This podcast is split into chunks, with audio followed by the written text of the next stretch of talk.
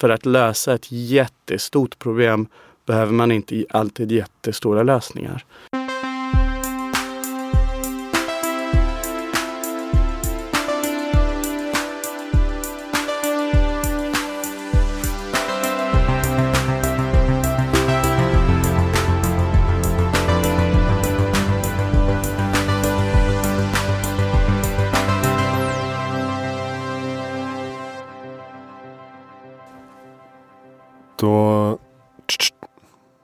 Då rullar vi.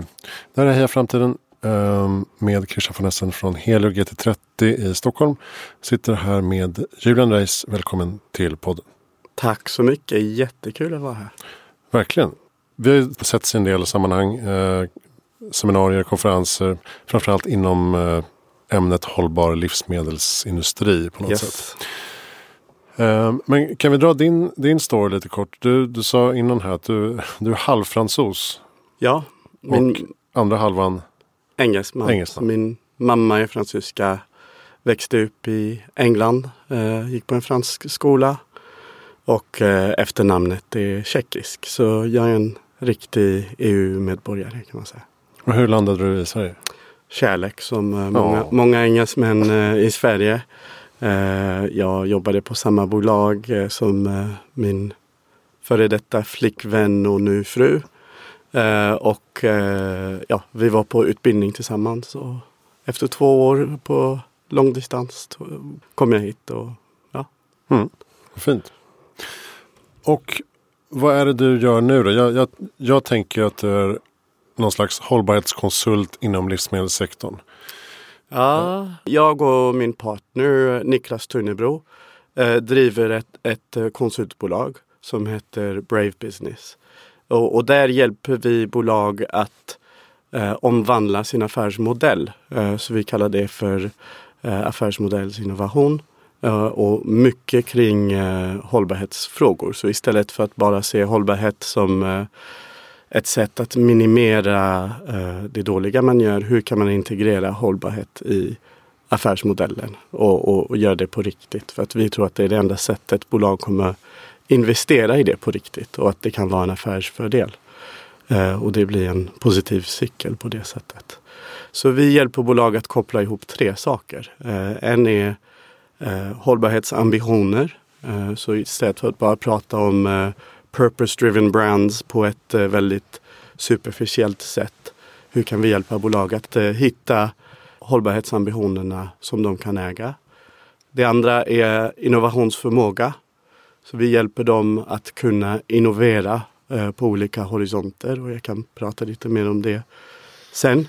Och det tredje är såklart affärsutveckling för att eh, vi pratar ändå kommersiellt med bolag. För att det är eh, Niklas och min bakgrund. Vi är inte hållbarhetsexperter. Vi kommer från industrin. Niklas var före detta konsult på McKinsey. Jag har jobbat eh, en del med smink och kosmetik på L'Oreal, Oriflame. Eh, och sen har jobbat som eh, varumärkeskonsult. Ja, så det är helt enkelt eh, Brave Business. Just det. Och jag kan tänka mig att många av de här parametrarna finns inbäddat i nya startups. Men Mm. är den stora utmaningen, ligger det i liksom de befintliga aktörerna på marknaden som måste tänka om på något sätt? Precis, och eh, man, man pratar om syfte. De flesta startups är syftesdrivna. Det, det är en jäkla jobb att komma igång med en startup. Eh, om, om den har ingen syfte eller mission eh, är det ganska svårt att orka. Eh, och, och då eh, den delen är, är verkligen tydlig där och den förlorar man över åren eh, i, i, i stora bolag. Eh, så det, det, det är att hitta det är kanske att hitta agenden. Eh, varför var stora bolaget grundat eh, i början? Eller att eh, hjälpa dem att eh, kunna hitta en stor utmaning som de skulle kunna äga. Ett område som de påverkar. Eh, så ett exempel är eh, Adidas. Där de kom på att, att göra skor av plast funkar jättebra industriellt. Det är ett jättebra sätt att tjäna pengar men med eh, jättemycket plast i eh, oceanerna. Eh, det finns kanske något som de skulle kunna göra bättre. Eh, så ungefär fyra år sedan bestämde de sig att ta det som en allvarlig mission. Eh, vi vill rengöra oceanerna. Och det måste vara en, ett syfte som är tillräckligt stort att eh, den, den är värt att kommunicera. Annars blir det en, en viktig initiativ, till exempel att minska utsläpp av sina transporter. Men det är inte det som kommer skilja ditt varumärke eller hjälpa din affär i, i framtiden. Så då fyra år sedan bestämde de sig att eh, rengöra havet av plasten var, var viktigt. Och då eh, gjorde de ett test med eh, Parley for the Oceans som är eh, ett aktivistorganisation som rengör hav. Eh, där de gjorde eh, 700 skor eh, och testade det. Och de eh, såldes ut direkt. Och eh, de hade först utvecklat dem i ett labb så att vdn kunde prata på något FN-möte tror jag. Så det var verkligen agilt arbete. Ingen skala alls men bara för att kunna testa idén. Och sen två år senare gjorde de det med en miljon skor. Eh, och eh, lanserade eh, Run for the Oceans. Eh, ett stort race som Adidas kunde koppla sig till eh, som var, hade hög relevans med, med plasten och återvinnande av skor. Eh, av plasten i, i, skor. Och förra året eh, gjorde de med 11 miljon eh, par skor. Eh, varje sko är, kostar 200 dollar de säljer ut, det är helt plötsligt en jättestor affär för dem mm. och gör bra. Och nu har de kunnat accelerera sina mål att alla skor kommer vara av återvunnen plast i 2024. Och de är tillräckligt stora att de kan göra skillnad. Man behöver en marknad för återvunnen plast. Det, det, det är inte bara att uh, man ska samla plast och sen man, man, behöver bygga industrier som kan använda det och, och uh, göra affärer med det. Mm. Eh, så det, det, är bara ett exempel då på hur eh, det behöver inte alltid vara syftet som eh, går tillbaka till grundarens syfte. Det kan vara en mission som är kopplat till bolagets, ja, det dåliga bolaget nu. Ja, just det.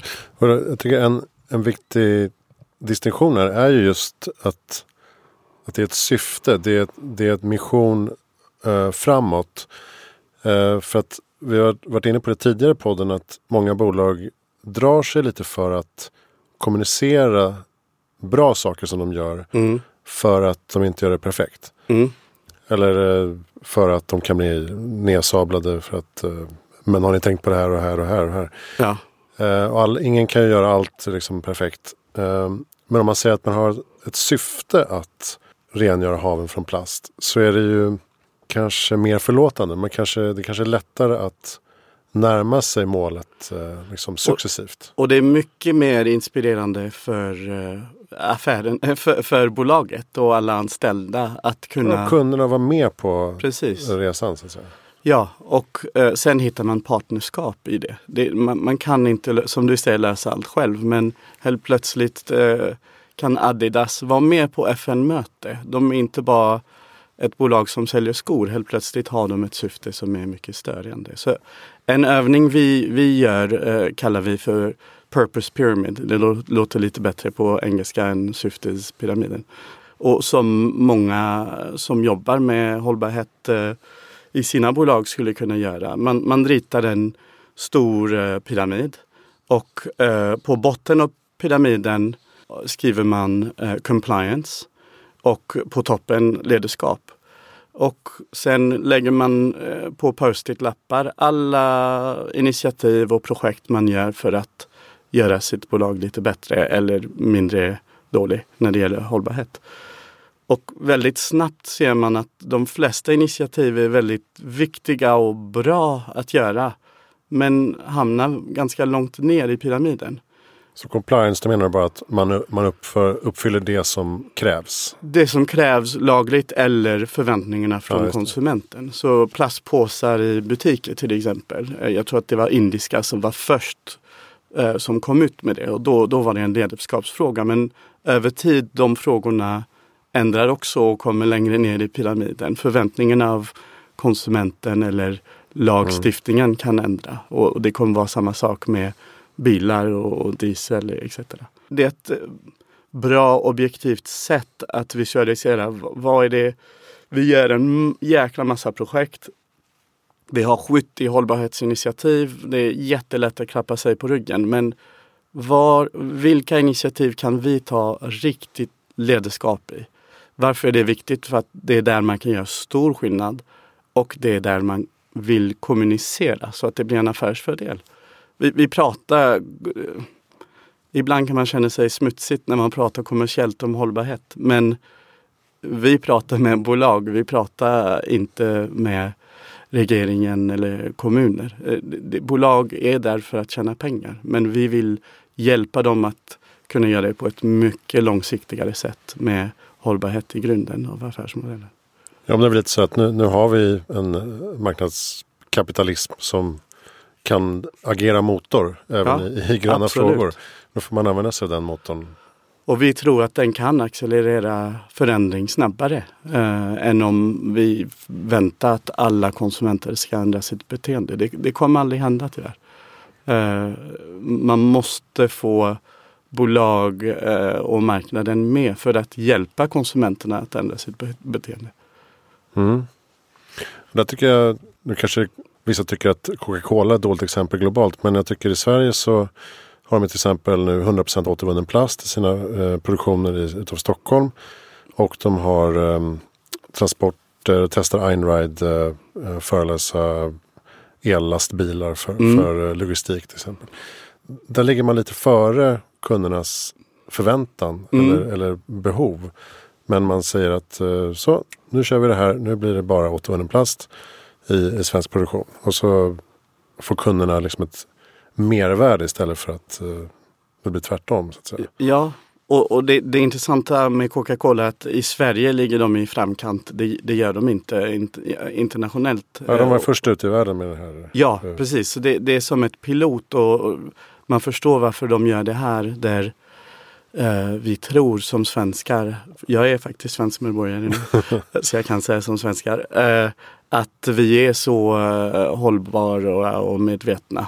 Eh, det är vi inte alls per capita. Men eh, i alla fall har vi mycket mer kännedom och medvetenhet kring hållbarhetsfrågor och där är det en jätteviktig fråga. Så det, man förstår varför de valde Sverige som eh, land att testa de sakerna. Mm. Och ett bolag som är lika stort som Coca-Cola eller Adidas kan verkligen påverka konsumenten. Men vad märker ni då? Vilka typer av bolag är ni inne i och hjälper? området vi är mest intresserade i är livsmedel. Så det är, det är kanske varför vi har träffats på så många eh, event inom hållbar mm. Eh, mat. Eller framtidens mat. Eh, det, det, är den vi är mest passionerade eh, över. Eh, innovationsförmåga är ofta den som många bolag har, har svårt med. Ehm, vi har en modell som vi har utvecklat baserad på en McKinsey-modell med tre horisonter. Att man, man ska innovera på tre olika horisonter och, det, och jobba på helt olika sätt beroende på vilken horisont man, Eh, man har framför sig. Och eh, det är den som jag tror eh, de flesta bolag har, har svårast med. så horisont 1 är, är, är core business upp till 12 månader i framtiden. Hur ska vi tjäna mer pengar? Vilka projekt måste vi fokusera på? Vilka ändringar eh, ska vi göra för att, hur ska vi jobba på olika sätt för att eh, kunna tjäna mer pengar? Horisont 2, 1 till 3 år. Hur ska vi växa? Eh, och horisonten är i framtiden men man måste börja jobba med det nu. Så vad är det vi ska fokusera på nu för att få datan som hjälper oss att kunna växa med ett eller tre års horisont. Och sen den som vi tycker är mest spännande är tre till fem år i framtiden. Hur kan vi transformera? Vilka lärdomar behöver vi nu? Vilka tester? Vilka experiment måste vi göra idag för att kunna lära oss och kunna eh, ta oss framåt mot en annan eh, affärsmodell. Så exemplet med Adidas då i första året. De, de fick ingen riktig data. Det var bara 700 skor men de lärde sig att eh, det fanns intresse i, i produkten. Och då vågade de satsa på eh, att göra det större två år senare. Um, och, och, och, hur man jobbar som bolag med processer, med eh, organisationer.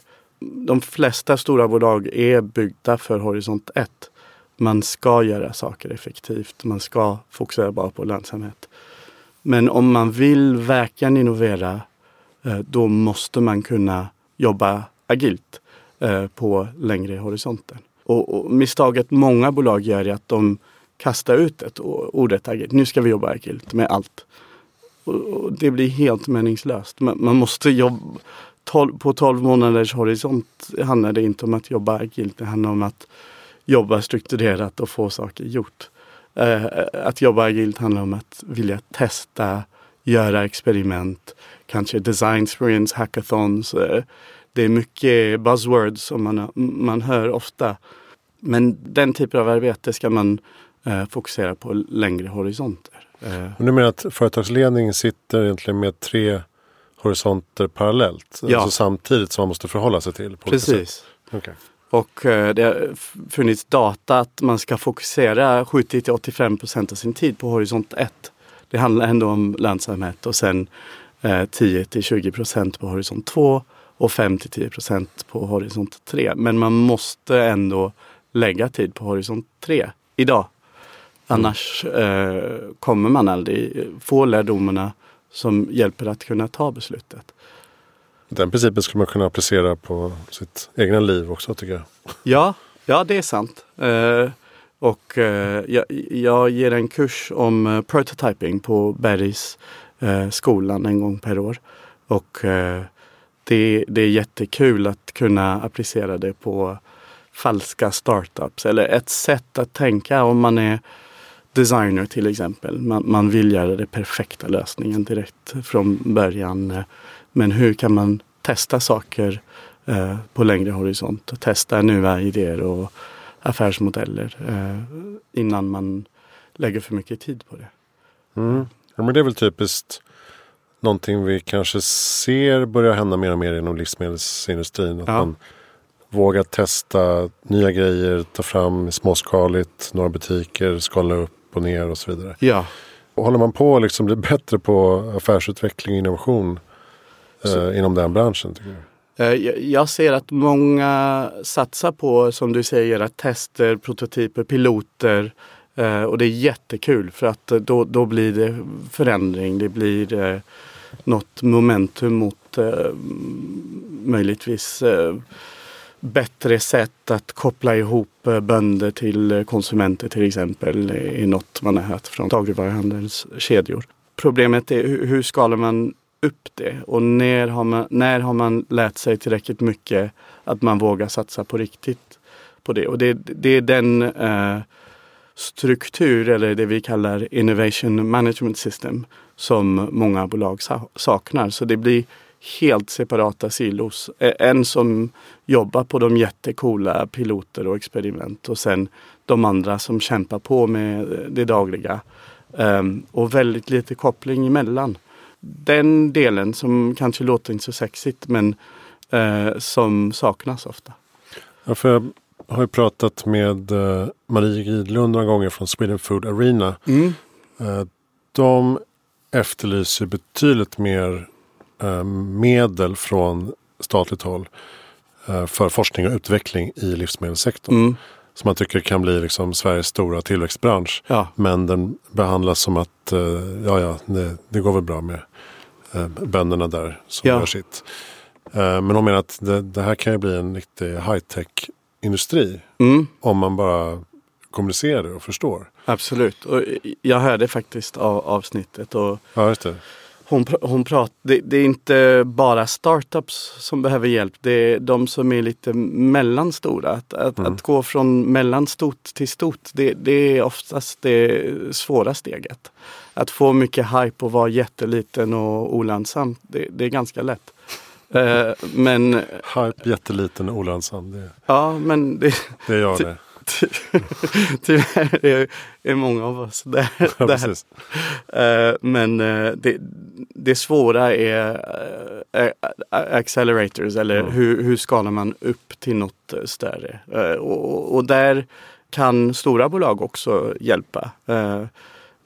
Kan inte nödvändigtvis köpa upp men investera i framtidsmöjliga lösningar. Till exempel Volvo som visste att de skulle aldrig kunna omvandla till elektriskt direkt och som investerade i Polestar och Sunfleet tidigt för att kunna sen eh, utveckla mot andra tjänster i framtiden. Det, Mm. det är lättare ibland för stora bolag att investera i, i startups. Så det, det är ett sätt att accelerera men allt behöver inte hända organiskt. Ja, just det. Och så ser man ju samverkansinitiativ som eh, Bloom heter det väl? Bloomers. Bloomer. Ja, både Niklas och jag är eh, mentorer där. Just det. Det är alltså Coop, Norrsken, Och Sweden Food, eh, Sweden Foodtech. Foodtech. Ja, precis. Just det. Och, vad, och vad är, eh, hur ser processen ut där då?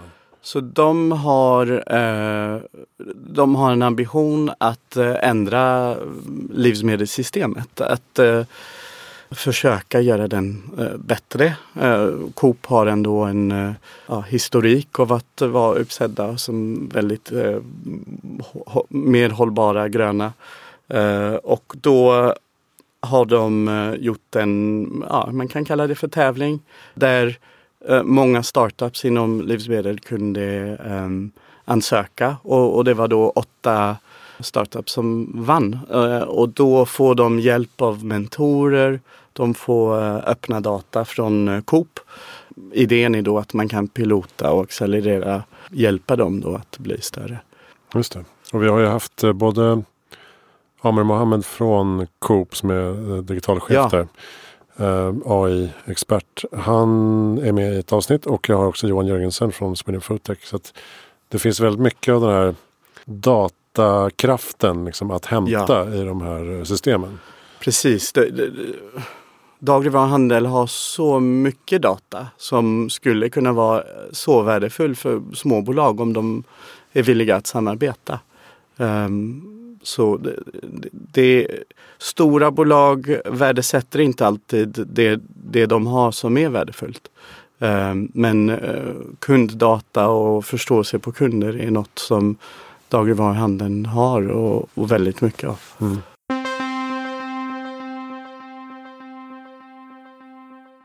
Du har jobbat en del med matsvinn. Ja, eh, och har ett precis. nytt projekt nu. Va? Ja, eh, så eh, som sagt, Niklas och jag är väldigt pas- passionerade och intresserade i matfrågor och vi var på Nobelveckan när det var mat tre år sedan tror jag. Och där såg vi Tristram Stewart från um, engelska aktivistorganisationen Feedback prata. Eh, och det var en av de mest inspirerande eh, tal jag har no no någonsin sett. Eh, och han driver då Feedback som tar hand om uh, matsvinn men också är väldigt aktivist i, kring de frågor. Um, och då började vi uh, läsa på, gå på events och uh, göra lite projekt i det. Så först eh, jobbade vi pro bono med Stockholms Stadsmission.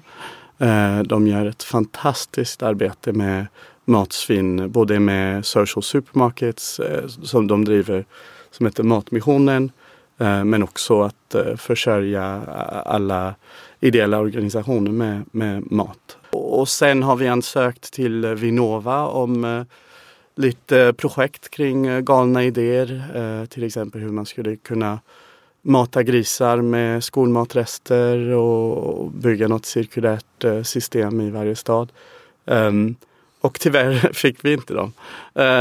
Men ehm, vi har gått in i skolor, byggt en utbildningsprogram om matsvinn, gått in i skolor och, pratat om matsvinn.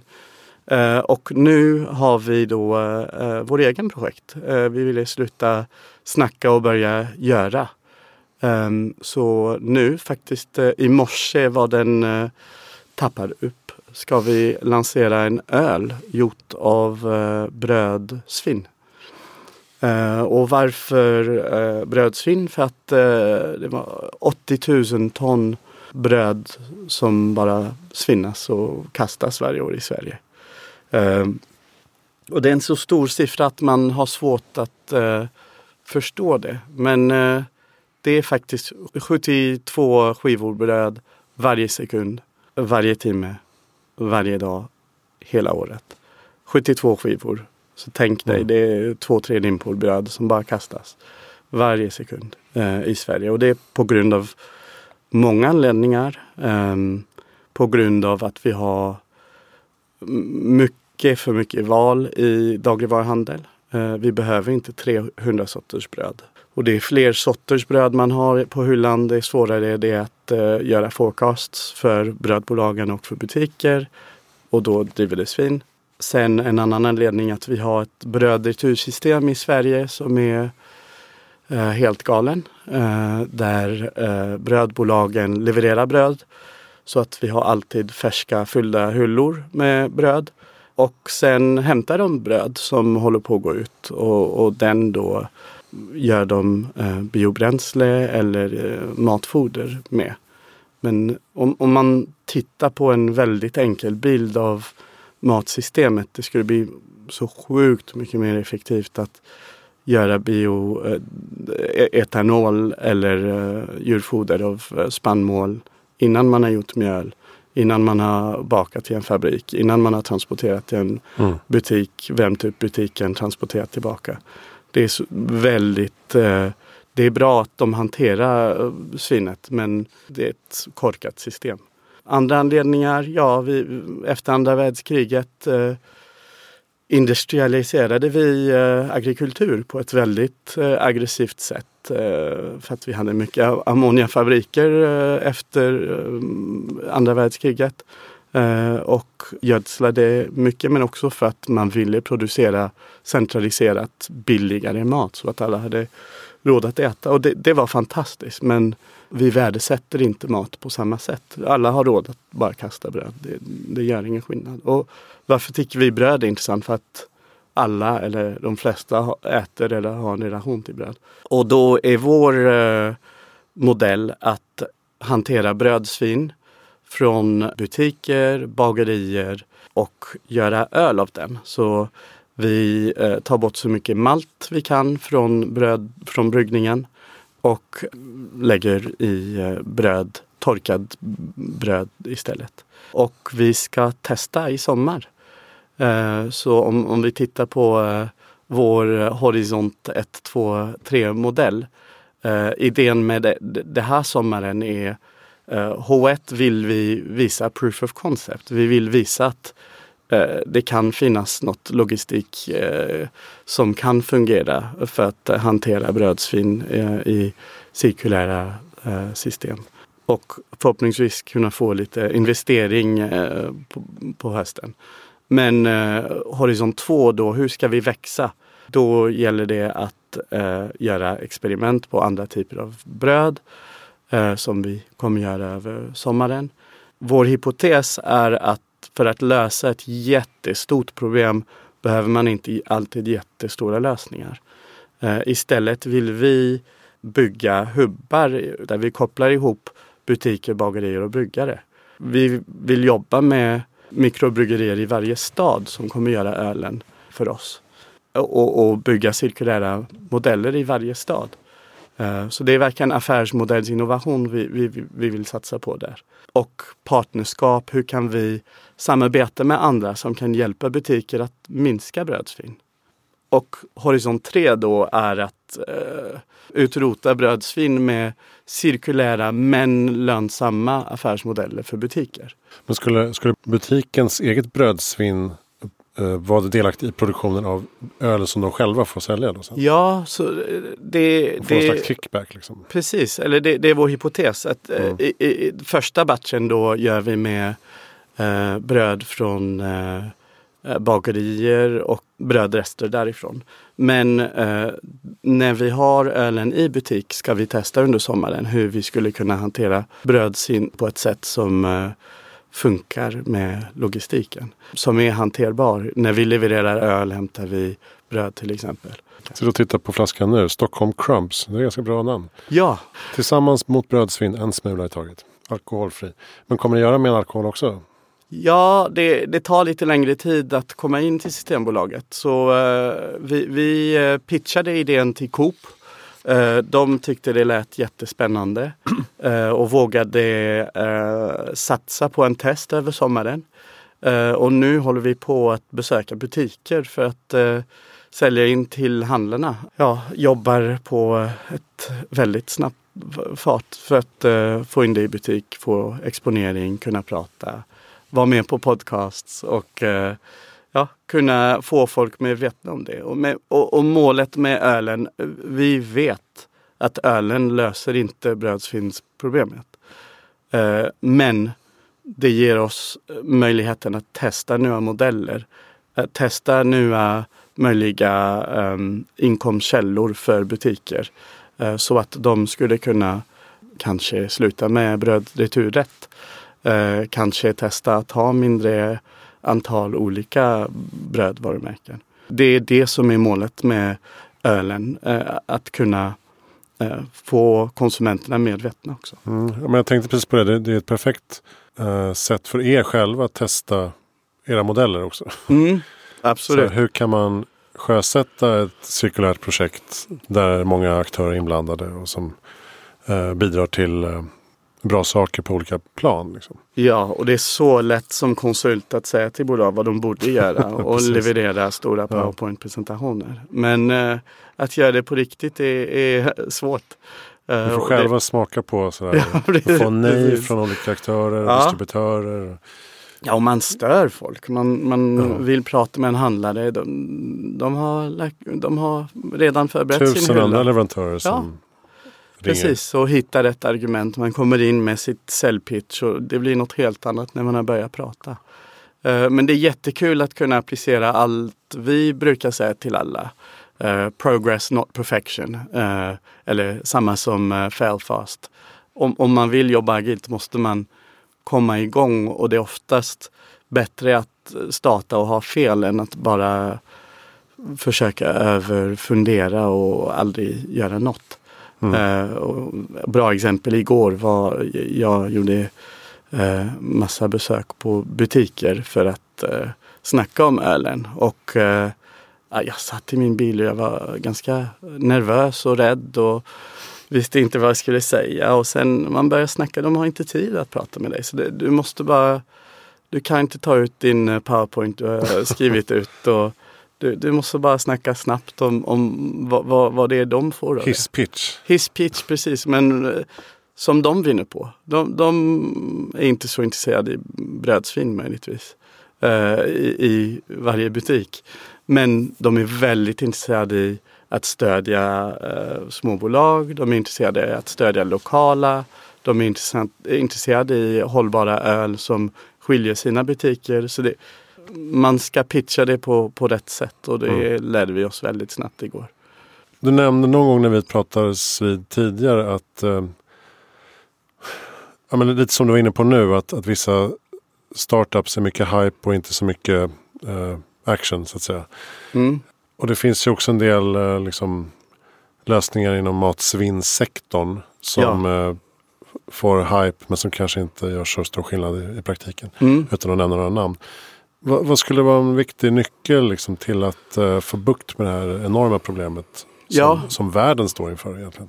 Om man tänker att en tredjedel av maten slängs. Ja, det är, det är helt sjukt. Och uh, att värdesätta mat uh, tror vi är en av de största utmaningarna. Och vi pratade faktiskt till Sebastian Boudet om det här projektet. Och, bagaren? Bagaren, ja.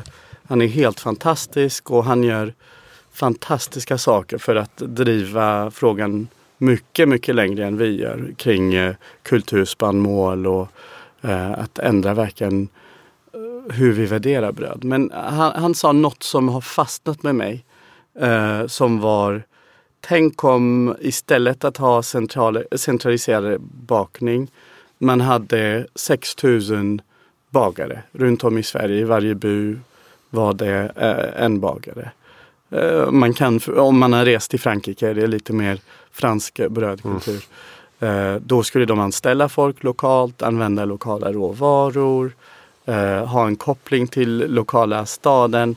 Helt plötsligt skulle man värdera brödet och bröd är bara en liten eh, eh, ekosystem. Maten är mycket större. Men, Eh, och, och, den bilden är så fin och, och intressant tycker jag. Att, eh, att vi som konsumenter skulle värdesätta mat bättre och informera oss eh, är viktigt. Om vi tänker 2030, alla fokuserar på 2030, det är nu mindre än tio år i framtiden. Och vi som konsumenter gör hela tiden dumma val. För att vi är inte så informerade. Om man vill äta med lägre koldioxid, är det bättre med superprocesserad soj för att man vill vara vegan eller lokalkyckling? Det är helt omöjligt att jämföra. Mm. Det, det, går inte. Det blir ofta värdebaserat till slut eller prisbaserat. Så information. Eh, det är där den här datan kommer in då? Ja. Eh, så en annan startup vi är med grundare i heter Food Facts. Mm. Eh, där vi försöker koppla ihop informationskällor eh, om eh, matvaror eh, för att hjälpa konsumenterna att göra mer medvetna val. Eh, så det finns eh, ett system som heter GS1 eh, där alla produkter som ska säljas i, i dagligvaruhandeln måste vara registrerade. Och där finns det massa information, till exempel varför man kan um, skriva om protein och sockerhalt uh, på, på baksidan av produkter. Det, kommer därifrån. Um, men sen om man, om man börjar koppla ihop informationen som finns där med informationskällor från WWF eller Livsmedelsverket eller um, Naturskyddsföreningen. Na, precis. Alla ja. Helt plötsligt kan man ge mycket rikare information och helt oberoende information till konsumenterna. Um, om man skulle tänka e-handellösningar. Uh, att när jag handlar, uh, i, om jag är en butik kommer jag kanske inte ta ut min app och börja jämföra men på en e-handellösning, om det var väldigt snabbt att kunna jämföra produkter och, och eller om jag la in mina preferenser och då fick jag alltid automatiserade Det kommer bli väldigt spännande. Alltså. Ja. Filtrera enligt näringsvärde, Precis. koldioxidutsläpp. Ja, eller lokalodlat. Alltså testa olika filter. Vad är viktigast för mig? Svenska ja. bönder eller slavarbete i uh, Västafrika? Alla har värderingar och, och, då skulle man kunna bocka av det som är viktigt för dig. Uh, och, och, få prefererade produkter baserat på data. Mm. Så den, uh, det är väldigt tidigt. Men vi tror verkligen att hjälpa konsumenterna att göra mer. De flesta vill göra bättre val men det är för svårt idag. Men så det, här, det här är ett bolag som du är med i? Och ja, Food. Facts? Food Facts. Okay.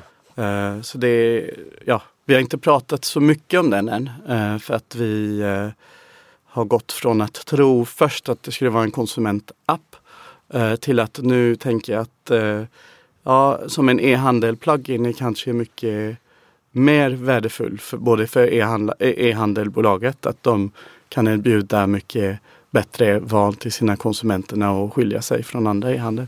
Men också eh, att det, det, blir kanske snabbare att eh, lansera. Så vi pratar nu med eh, olika ehm, certifieringsbolag, så till exempel Krav eller eh, Svensk Sigil, om eh, hur kan vi koppla ihop deras data, deras information till G-set data så att eh, när en produkt är valt man får mer information än bara att det finns ett märke på det. Men att man förstår lite mer om vad märket handlar om och kan då skilja krav mot eh, EU ekologiskt till exempel. Mm, just det. Um, ja, för det där är ju omöjligt för konsumenten att, att veta hur man ska tänka. Det är helt omöjligt. Alla kan inte vara Johan Rockström och, och förstå eh, koldioxidutsläpp av alla sina val. Det, det, det går inte. Och Voi eller eh, de elcyklar i, i eh, staderna är ett bra exempel där man tror att man gör kanske ett bättre eh, val med lägre CO2-utsläpp. Men eh, det är oftast cyklisterna eller de som skulle gå som tar dem. Eh, så det är inte... Man ersätter inte så mycket biltrafik. Nej, precis. Nej. Så vi försöker alltid eh, fundera på vad är problemet egentligen i grunden? Och, och sen vad skulle då en framtidslösning kunna vara? Så om vi kommer tillbaka till matsvinnsfrågan. det var ett EU, jag vet inte om det är en direktiv eller lag, men de byggde en modell som heter uh, The Food Recovery Hierarchy. På Mm, matsvinn, hur borde den hanteras på bästa sätt alltid? Och på toppen då handlar det om prevention, hur, att minska svinnet i, i källan. Producera mindre. Förebygga. Mm. Precis, förebygga, göra bättre forecasts och där finns det grymma startups som Y-Waste som hjälper bolag att bli mycket bättre på forecasting i butik.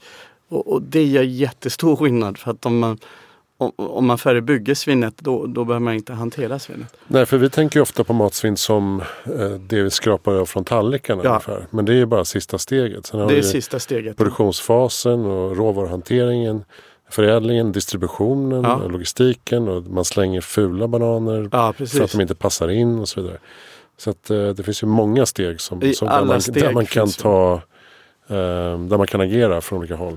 Precis. Eh, och på hösten, eller eh, vi får se om vi eh, pallar med det, men tänker vi att det är så många som gör bra grejer med matsvinn. Skulle det inte vara bra om vi satt ihop eller kunde samarbeta tillsammans och, starta då en matsvinnshubb? För att många lösningar handlar i helt olika steg av matsystemet.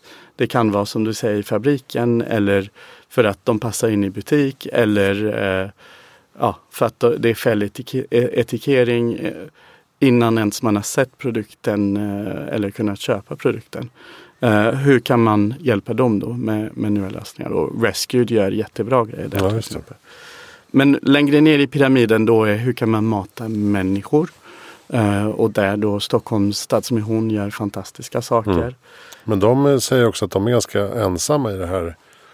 De har liksom inte så mycket hjälp i den här logistiken. Nej. De bara, men det är inte vårt jobb att driva runt och köra runt och hämta matsvinn från butiker i hela Stockholm. Nej, det Så de bara, vi måste ha mer, fler aktörer som hjälper till. Precis, och det, det är jättesvårt för att någonstans tävlar de ändå med kommersiella tjänster som Matsmart eller som Karma för att eh, kunna hantera mat från butiker eller från leverantörer. Eh, men de matar människor direkt som är i behov av mat. Att kunna få dags gamla croissanter i Vasastan som vissa appar eh, tillåter. Det, är inte det som löser matsvinnsproblemet. Eh, det, det är bra för, för den bageri. Eh, det är bra marknadsföringskanal för dem. Men det, är- det är inte det som löser stora problem. Och det är faktiskt inte kaféer och restauranger som driver det mesta svinnet. Det är ja, oss i hemmen eh, drivna av ja, kampanjer att köpa för mycket och igen tillbaka till frågan att vi värdesätter inte mat eh, på samma sätt. Men hur skulle en sån här hubb kunna se ut då? Är, är det någonting som du funderar på i teorin hittills?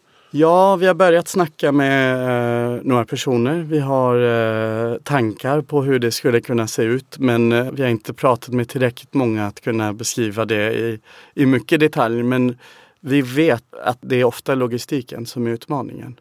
Så bara att sitta ihop och kunna samköra och använda samma logistik skulle hjälpa jättemånga av de aktörerna. Och det ser Då ska vi vara fossilfri också. Det det. Ja, helst såklart. Men eh, om, om man samkör då, då minskar man också utsläppen. Men eh, det ser vi redan med ölen. Så det, det är lite, ölen för oss är ett sätt att förstå det svåra med det. Inte bara teoretiskt men eh, att kunna verkligen i praktiken eh, se hur svårt det är med logistiken. Eh, för Mm. att kunna komma med bättre lösningar. Så det, det är möjligt att i framtiden en ett transportbolag som bara flyttar svinn mot förädling eller bättre ställen skulle kunna vara en väldigt intressant affärsmodell eh, runt i varje stad. Ja, och så har vi ju väldigt många nu matbud, budfirmor och så vidare som Mm. cirkulerar med tomma Ja, eh, vagnar kanske. precis. Som skulle kunna tjäna extra pengar på att plocka upp och fördela Exakt. eh, även matsvinn. Ja, det skulle bli Att det blir fantastiskt. tipp-tapp och alla de här. Som, Ja. Och vår, vår, varför vi vill jobba med eh, olika bryggerier i varje stad är att de har redan relationer med lokala butiker eller lokala systembolag. Så då, när de lämnar eh, levererad öl kan de få bröd till exempel. Så det, det är lite de logistikmodellen vi kommer eh, undersöka över sommaren. Coolt. Jag tänker du som har sån europeisk bakgrund. Mm. Um, hur, hur, känner du ändå för sven, det svenska liksom, livsmedelssystemet? Vad är det som gör det extra roligt att jobba här? Ja, ja jag, jag kan eh, dela lite insikter. Jag vet inte om de, de gör, det gör det mycket roligare men uh, jag tycker Sverige har på något sätt väldigt starka mattraditioner som är helt fantastiska när man kommer från England. Eh, om jag har mitt engelsk hatt på. Man har tappat matkulturen ganska länge sedan.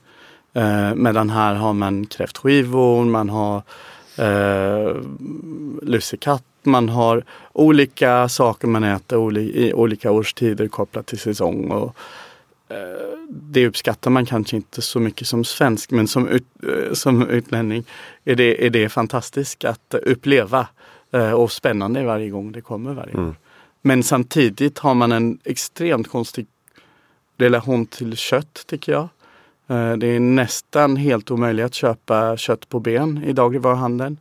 Och man äter kycklingfilé och färs, det skulle jag gissa är 90% av försäljning av kött i Sverige man har en väldigt klinisk relation med, med kött jämfört med England där man har sin Sunday roast på, på on the bone och det ger mm. mer smak och man gör soppa av benen efteråt och allt det där. Uh, så, så det, det, är en blandning att vara ett väldigt modernt land och väldigt industrialiserat när det gäller mat men ändå ha sina traditioner när det gäller kulturen. Jag tycker det är spännande på det sättet. Men en sak som saknas mycket i Sverige är eh, måltidskultur. På, på, och nu jämför jag med Frankrike. Vi kan glömma England när det gäller matkultur. eh, men eh, att på kvällen att man sitter ihop, att det är en social grej. Att man, det är ett sätt att eh, alla, hela familjen eh, sitter ihop och pratar. Man lämnar inte bordet tills alla är klara det, det, den saknas i Sverige, känner jag. Den sociala aspekten. Um, och jag vet att det, det har funnits uh, ett bolag som heter uh, Invitationsdepartementet. Ja, um, några år sedan. Uh, jag tror att de, de finns fortfarande. Men när det var jättestor um, fly, flyttningskris och, och, många kom till Sverige.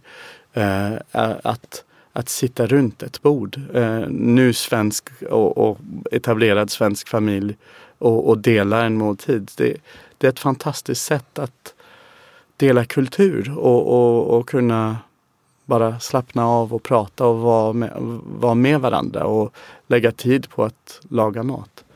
Mm. Det som är så spännande med mat är att det, det, är en spegelbild av vår historia och vår kultur. Um, på, på så många sätt. Men eh, att eh, det bästa lösningen för brödsvinn skulle vara att alla bakade själv. Eh, och, och, då skulle man värdesätta tiden eh, man har lagt på det. Men ja, det, kvinnor jobbar nu jämfört med hundra år sedan. Man bor inte med sina förföräldrar. Vem har tid att eh, baka bröd? Och jag menade det inte alls på ett sexiskt sätt men om man jämför med mot historien och en tillbakablick och hur det var så mycket bättre innan. Den ekonomi, det, att alla jobbar, det är fantastiskt. Och vi måste hitta lösningar som funkar för, för hur vi är idag. Mm. Vad är ditt bästa tips för att göra världen bättre i framtiden? Ja, den eh, är faktiskt eh, enkel och jag är väldigt övertygad av den. är eh, att vi ska satsa på utbildning om mat i skolor och satsa på det extremt hårt. Eh, och det jag menar på det är, jag, jag skulle älska att en månad per år, alla ämnen hade koppling till mat. Så om det var historia kunde man prata om historien av kolonism kopplat till mat. Om det var ekonomi kunde man prata export import. Om det var eh, matematik kunde man prata nutritions eh, och värde. Och, eh, varje ämne har koppling till mat. Eh, och, och om våra barn har ingen tydlig kännedom, eh, passion om, om mat. Eh, hur tänker vi att om tio år att eh, allt kommer vara löst med lagstiftning? Det, det, det, kommer inte hända. Vi måste satsa på våra barn nu. Vi gör dumma val hela tiden. Vi har tio år att satsa nu. Eh, jag har småbarn, eller mm, mitt äldsta är tio år nu. Jag skulle älska att hon Hemkunskap handlar det om, om, om att verkligen kunna förstå matsystemet bättre. Eh, så när vi går in i skolor och pratar om matsvinn ehm, börjar vi alltid med enkla exempel på hur maten kommer till tallriken. Eh, hur kommer popcorn på fredagsmyset? Mm. Eh, ja, det är en bonde säkert i USA som har odlat majs. Sen har det varit förädlat i någon stor fabrik, industri, sen paketerat, skickat och helt plötsligt förstår man mat på ett helt annat sätt och värdesätter det på ett annat sätt. Mm. Jag har samma också, min äldsta dotter, är, eller min äldsta, mitt äldsta barn är tio. Mm. Uh, de är tio, åtta, fyra. Men uh, det är så jäkla svårt att väcka den nyfikenheten. Ja. För de är så blasé. Ja. Det är de. Här ja. är en ny sås, vill du smaka? Nej. Ja. Nej tack. Men att involvera maten i matlagning också kan bli kul. Eh, involvera barnen? Ja. ja. Så vi, vi har gjort någon grej som heter Secret Chicken Sauce. Mm. Eh, där alla får uh, uppfinna sin egen marinad. Lite jobbigt att förbereda men då får alla sin smaken de gillar. Och, och sen helt plötsligt har de en helt annan relation och snackar om rätten när barnen kom, när kompisar kommer på besök. Mm. Och, och bakning såklart eh, gillar alla barn. Men eh, det är väldigt svårt. För att vi, vi har så mycket val och allt är commodity när det gäller det man mm. köper i, i dagligvaruhandeln. Ja, så, jag har liksom inte... Min fru jobbar ju till med mat, hon gör kokböcker. Mm. Men vi har inte orken att Nej. med tre helt olika viljor börjar liksom entusiasmera. Eh, ja men vet att en gillar den typen av sås. Ja men då kan han få den. Men ja. hon hatar den såsen. Ja. Så det blir så här. Man orkar inte. Och, och, han älskar kyckling. Hon hatar kyckling. Han tycker det är okej. Okay. Så håller vi på. Och min partner Niklas, jag beundrar honom så mycket på hur han eh, uppfostrar sina barn. Det kanske är med fransk fru men um, de, de eh, äter försöker följa tallriksmodellen och barnen älskar eh, broccoliplättor och för att ja, det, det, är bara så de lever och ja, han, han lägger säkert två, tre timmar på matlagning varje dag. Mm. Det, det, är hans stora passion. Ja, det är det va? Ja. Han ska lägga den här tiden också. Ja, och vad lägger vi tiden på? Netflix, kanske Instagram. Uh, och det jag säger ofta är eh, tre minuter kan vi leva utan luft. Tre dagar utan vatten, kanske tre veckor efter, utan mat. Eh, men det är de tre viktigaste saker vi har för att leva. De, hur länge kan du leva utan Instagram? Eller, och, och, jag säger det här lite som skämt. Eh, jag tittar på Netflix. Eh, men eh, vi värdesätter mat mycket mindre, lägger mycket mindre pengar. Jag tror att det är 11 procent av vår inkomst, kanske 9 procent som vi lägger på mat. Men det var en överlevnadsfråga hundra år sedan. Uh, och, och, och uh, mindre tid också. Allt ska vara så smidigt och snabbt som möjligt. Så att vi kan kolla på Netflix med kompisarna. Mm. Jag driver för mycket med Netflix. Vi Men... köper ju kokböcker och sätter upp dem på ja, hyllan. Det ska, det ska se snyggt ut. Speciellt mm. i bakgrunden på Zoom-möten. Ja, just det. Precis. jag blir trött på de här Zoom-mötena. Ja. Um, ja, du måste ju vara skittrött på dem. Ja. ja, jag är med i väldigt många. Och just när man har så här jobbat själv, som jag har gjort i alla fall, i 15 år mm. hemifrån. Jag har klarat mig jättebra på telefon. Alltså jag, jag, ja. haft en handfull videomöten genom alla år. Mm. Nu plötsligt så ska alla ha videomöten. Ja. För att man måste liksom se varandras trötta ansikten. Ja, Jag fattar inte riktigt det. och hela... Och lite så dålig uppkoppling och lite hackigt. Ja, precis. Ja, och hela rutinen. Man måste sätta Hör du mig nu? Ja. Skitsamma. Eh, har du några bra lästips? ja, när det gäller innovation har jag ett jätte, jätterolig bok som ingen kan komma och ha hört talas om. Som heter That shit will never sell. Eh, det är en eh, man som heter David Gluckman. Eh, han hade fantastiska äran av att vara drycksuppfinnare uh, i 70-talet. Så när, när det Absolut lanserades i Sverige, då uppfann han Baileys. Eh, Så han hade mer eller mindre samma brief från irländska destilleriet. Kan du uppfinna ett dryck som eh, kan, vi kan exportera? Och han uppfann Baileys. Sen uppfann han Purdy's och Aqualibra och massa kända Ciroc. Eh, massa kända varumärken och det är det enda han har gjort. Och han har skrivit en fantastisk bok om eh, hur man bygger nya varumärken och hur man ska innovera och göra det snabbt. Det, det är verkligen ingen textbok, det är sjukt rolig läsning. Eh, och nu är han 80 och ger, eh, ja, pratar mycket om det här också. Så det är ja, rolig Spännande. bok. Eh, ja, och när det gäller matsvinn skulle jag säga eh, Wasted, eh, som är boken som Tristan Stewart skrev, eh, som grundade ehm, Feedback. Eh, den är fantastisk. Och min sista bokrekommendation heter Stuffed and Starved av eh, Raj Patel. Eh, och han då ja, jämför då eh, ja, ironin att i första världen där vi av eh, över fetma medan eh, det finns eh, i tredje världen såklart många som eh, lider av eh, hunger. Eh, men det är en bok som eh, utforskar hela matsystemet. Den är helt, verkligen fascinerande. Eh, en hel kapitel om palmolja till exempel som är eh, väldigt intressant. Stuffed and starved. Apropå, då, kan du, då kan du hisspitcha komplexiteten i palmolja. Ja, ja, Bra och dåligt. ja eh, palmolja. eh, Vi, nu, eh, vi har alltid massa idéer. Så en idé vi hade innan var att eh, lansera kakor i Sverige utan palmolja. Det finns extremt få, eller då fanns det extremt få utan palmolja. Ingen eh, raketinnovation.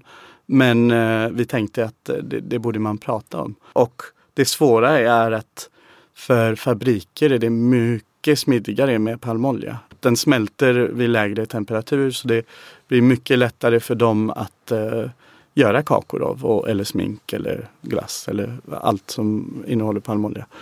Problemet är att man eh, ja, tar bort regnskog.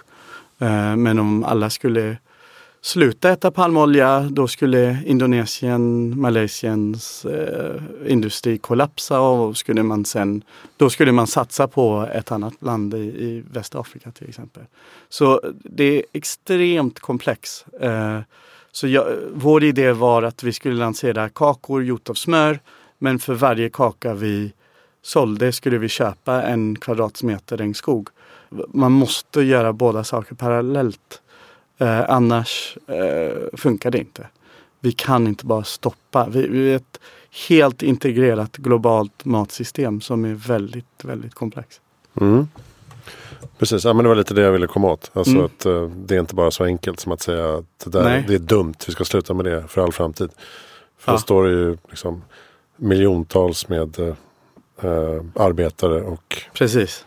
Utan, utan eh, eh, inkomst. Då. Ja, och precis. Man känner sig som en duktig uh, eco-warrior här i Sverige men eh, hela industrin i, i Indonesien kollapsar. Ja, precis. Jag har varit på sån plantage i Malaysia. Det är rätt eh, fascinerande faktiskt. Ja, Men eh, precis, men, det, men det, är ju, det är ju framförallt Amazonas som man vill skydda. ja, Eller hur? Ja, och där, där är det eh, mycket soja som är problemet. Eh, för att eh, vi äter så mycket kött som är matad av sojabönor. Eh, att. Eh, då avskogar man för att eh, odla soja i Amazonas. Så eh, veganrörelset är jättebra på, av den grund. Men eh, Johannes Kullberg och Paradiset var väldigt modiga att säga vi ska sluta eh, sälja pro kött från, eh, produkter från eh, Brasilien. Det, det, den är stark också. Men och sen och vegetariska sojaprodukter. Det är väl bara en liten fjärt i rymden jämförelse med eh, köttindustrins soja. Ja. Eh, Ja, konsumtion. precis. Och för att kunna göra sojprotein eh, ätbar är det väldigt eh, komplex processering som gäller. Så det, ja, det, det är inte alltid uppenbart att eh, sojbaserade produkter är bättre än lokal kyckling till exempel. Som Mm. mitt exempel innan.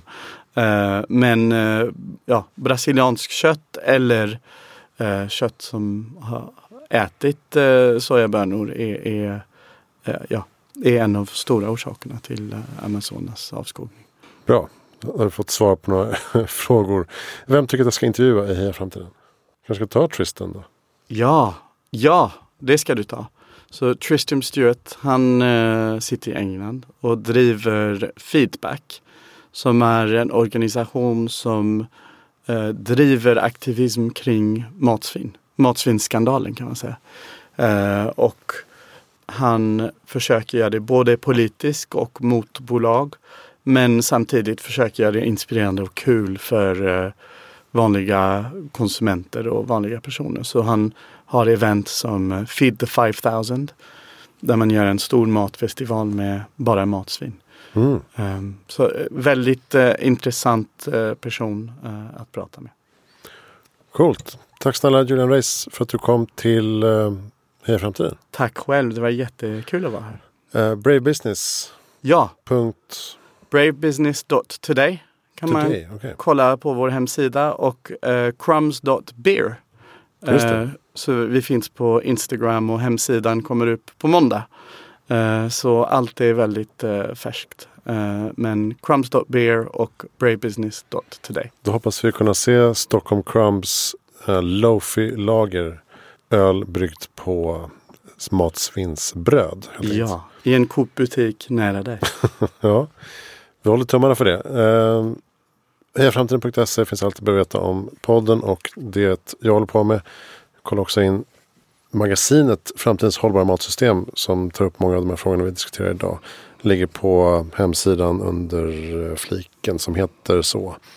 Eh, och glöm inte att köpa boken som heter Vad händer nu med framtiden? Som eh, finns ute i bokhandeln när du hör detta. Tack för att du lyssnar.